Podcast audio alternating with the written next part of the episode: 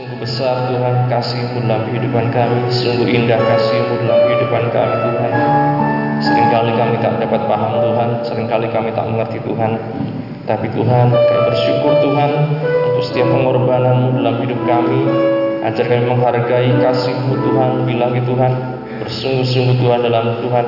Setiap pengiringan kami Tuhan kepadamu ya Bapa.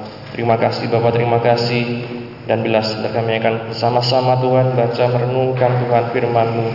Engkau yang buka setiap hati kami Tuhan, pikiran kami. Engkau yang menolong kami ya Roh Kudus untuk kami dapat mengerti firman-Mu. Kami bersyukur ya Bapa dalam nama Tuhan Yesus kami berdoa. Haleluya. Amin. Pagi hari ini kita akan belajar dalam satu tema yaitu berharap pada Tuhan di dalam kesesakan. Berharap pada Tuhan dalam kesesakan. Kita buka ayatnya dalam Mazmur pasal yang ke-46.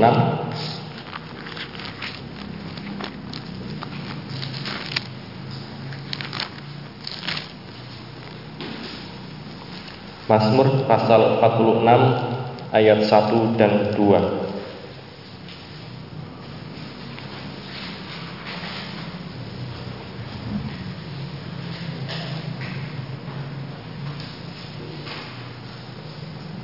Mazmur 46 ayat 1 dan 2 Demikian bunyi firman Tuhan. Allah kota benteng kita untuk pemimpin biduan dari Bani Korah dengan lagu Alamot nyanyian. Allah itu bagi kita tempat perlindungan dan kekuatan sebagai penolong dalam kesesakan sangat terbukti. Allah itu bagi kita tempat perlindungan dan kekuatan sebagai penolong dalam kesesakan sangat terbukti. Amin. Bapak Ibu sekalian, berbahagia setiap kita membaca, mendengar, yang merenungkan dan yang melakukan firman Tuhan. Bapak Ibu saudara sekalian dalam kehidupan kita sebagai anak Tuhan, sebagai umat manusia, sebagai umat Tuhan juga dikatakan dalam berbagai macam peristiwa hidup ini kita dapat mengalami masalah demi masalah. Ada hal-hal yang bahkan dikatakan dapat membuat kita sesak. Sebagai penolong dalam kesesakan sangat terbukti. Jadi masalah ini bukan hanya masalah yang membuat kita pusing, bukan hanya masalah yang membuat kita berpikir, tetapi masalah yang membuat hati kita sesak ya. membuat kita rasanya itu sesak di dada ya. masalah yang begitu mungkin tiba-tiba datang yang tidak kita pikirkan sebelumnya dan ini Bapak Ibu dapat terjadi pada setiap kehidupan kita sebagai umat manusia ya. berbagai macam hal dapat menjadi penyebab ya dari kesesakan ini bisa itu kegagalan, bisa itu penundaan tentang sesuatu, bisa itu penolakan, atau sakit penyakit, atau masalah dalam dunia kerja dengan teman, ya, dengan sesama dan lain-lain. Jadi bukan hanya membuat kita berpikir, tetapi membuat kita sampai dikatakan sesak. Ya. Ini yang dialami juga oleh tokoh-tokoh di Alkitab, Bapak Ibu Saudara sekalian. Bahkan kalau saya katakan kita hampir semua dapat mengalami yang namanya kesesakan. Saya rasa tidak mungkin orang hanya hidup sehari-hari terus kemudian tidak mikir apa-apa, cuek terhadap berbagai masalah, ya, tidak kepikiran tentang sesuatu dan lain-lain. Apalagi sesuatu itu sesuatu yang tidak diprediksi sebelumnya. Nah ini Bapak Ibu dapat terjadi pada setiap kita. Dan kalau saya katakan ini menjadi satu juga tanda Menjadi satu eh, tanda untuk kita semakin hari semakin berharap kepada Tuhan. Untuk kita semakin hari semakin berharap kepada Tuhan Bukan kepada yang lain. Ya. Kita buka contohnya adalah ketika Daud Bapak Ibu mengalami permasalahan di dalam 1 Samuel.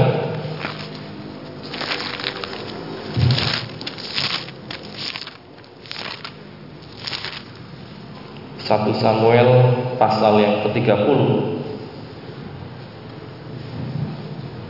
Ayat ini juga pernah saya bahas ya. satu Samuel pasal yang ke-30 Ayat 1 dan seterusnya. 1 Samuel pasal 30 ayat 1 dan seterusnya. Ketika Daud serta orang-orangnya sampai ke Ziklag pada hari yang ketiga, orang Amalek telah menyerbu tanah Negev dan Ziklag. Ziklag telah dikalahkan oleh mereka dan dibakar habis. Perempuan-perempuan dan semua orang yang ada di sana, tua dan muda, telah ditawan mereka dengan tidak membunuh seorang pun. Mereka menggiring sekaliannya kemudian meneruskan perjalanannya. Ketika Daud dan orang-orangnya sampai ke kota itu, tampaklah kota itu terbakar habis dan istri mereka serta anak mereka yang laki-laki dan perempuan telah ditawan. Lalu menangislah Daud dan rakyat yang bersama-sama dengan dia dengan nyaring sampai mereka tidak kuat lagi menangis. Juga kedua istri Daud ditawan, yakni Ahinoam, perempuan Israel dan Abigail, bekas istri Nabal orang Karmel itu.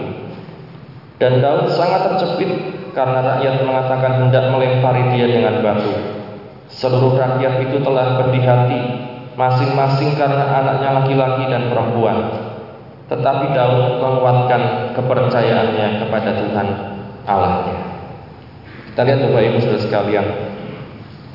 Ada satu masalah yang dialami oleh Daud dan orang-orangnya atau para pengikutnya.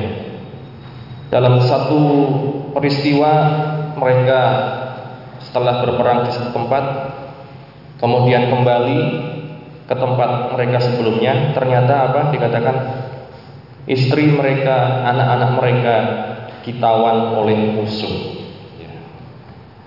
Bapak Ibu ini yang sangat berat dalam kehidupan Daud dan para pengikutnya dan bahkan mungkin satu titik yang sangat berat di dalam kehidupan Daud dikatakan dia sampai sangat terjepit karena rakyat mau melempari dia dengan batu.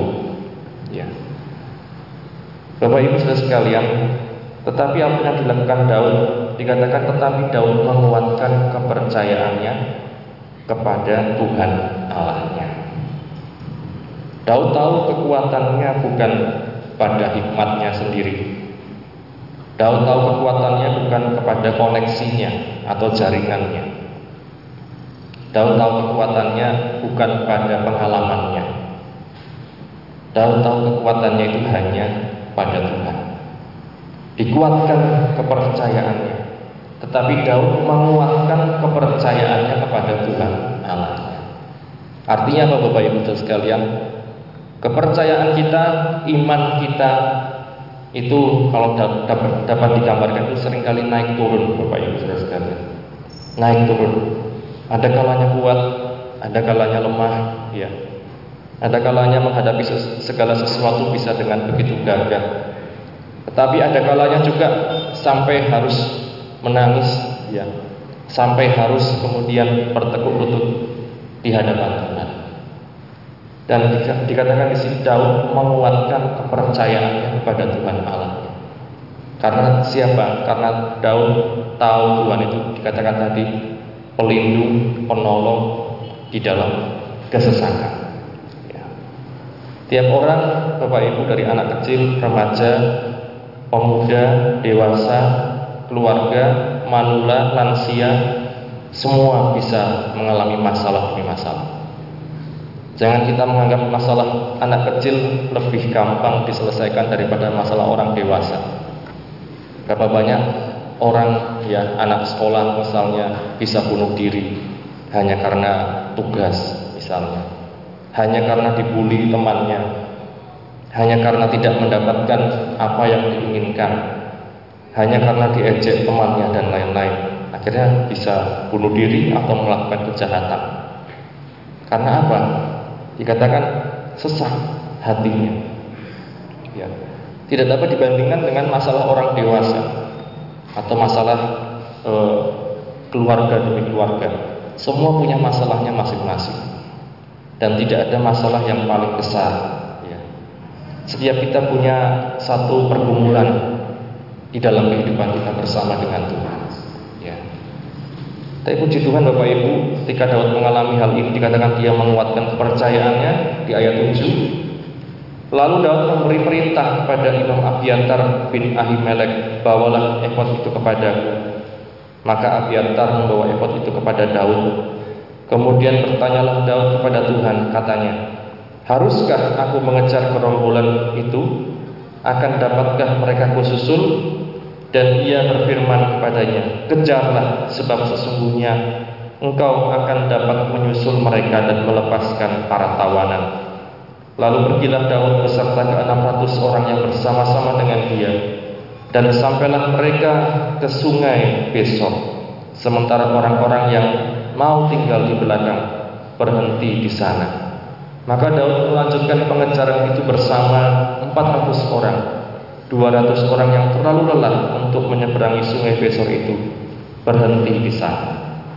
Ya, kita lihat Bapak Ibu Daud menguatkan kepercayaannya, tetapi tidak hanya di situ dia bertanya kepada Tuhan.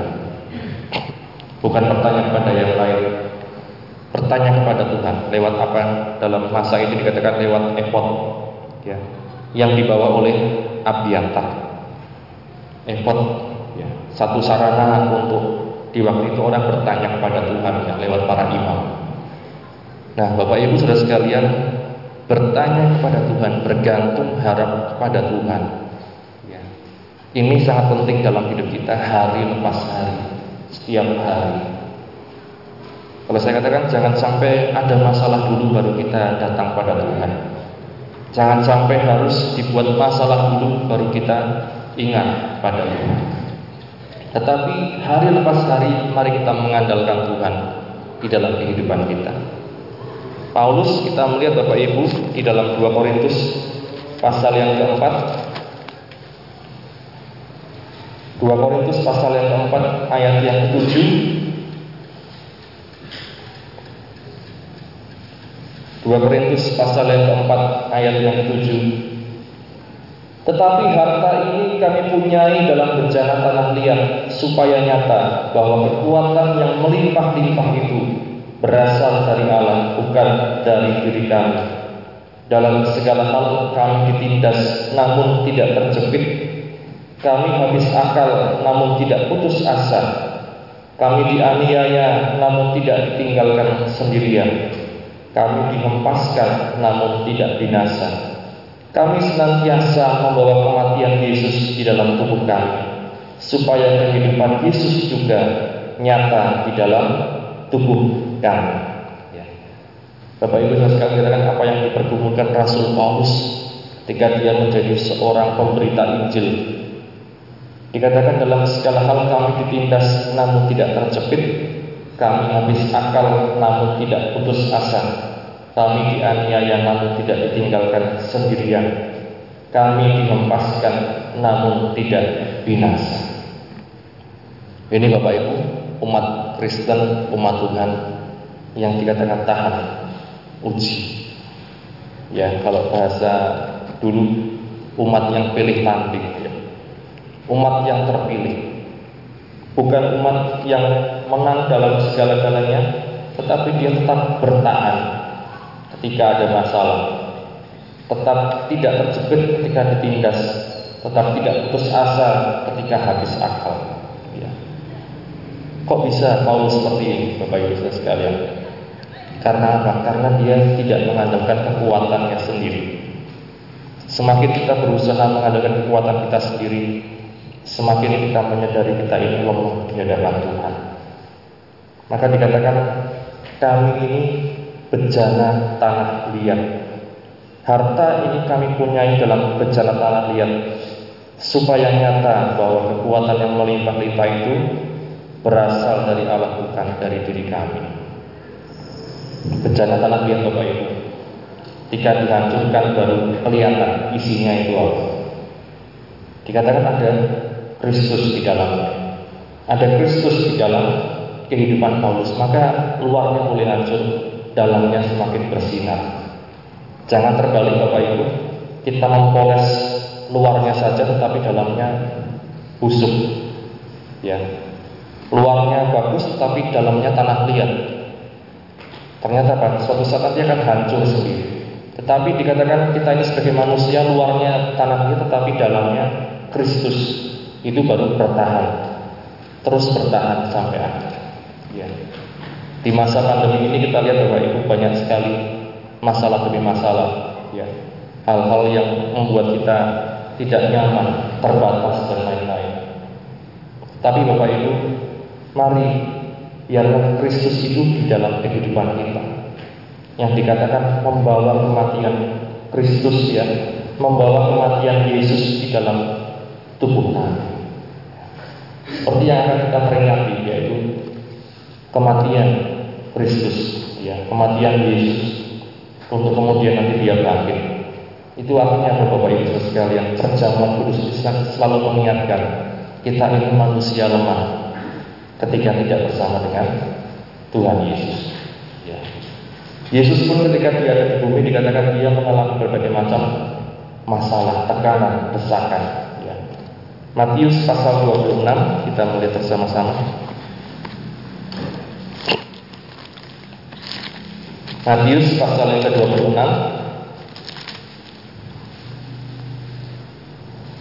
ayat yang ke-37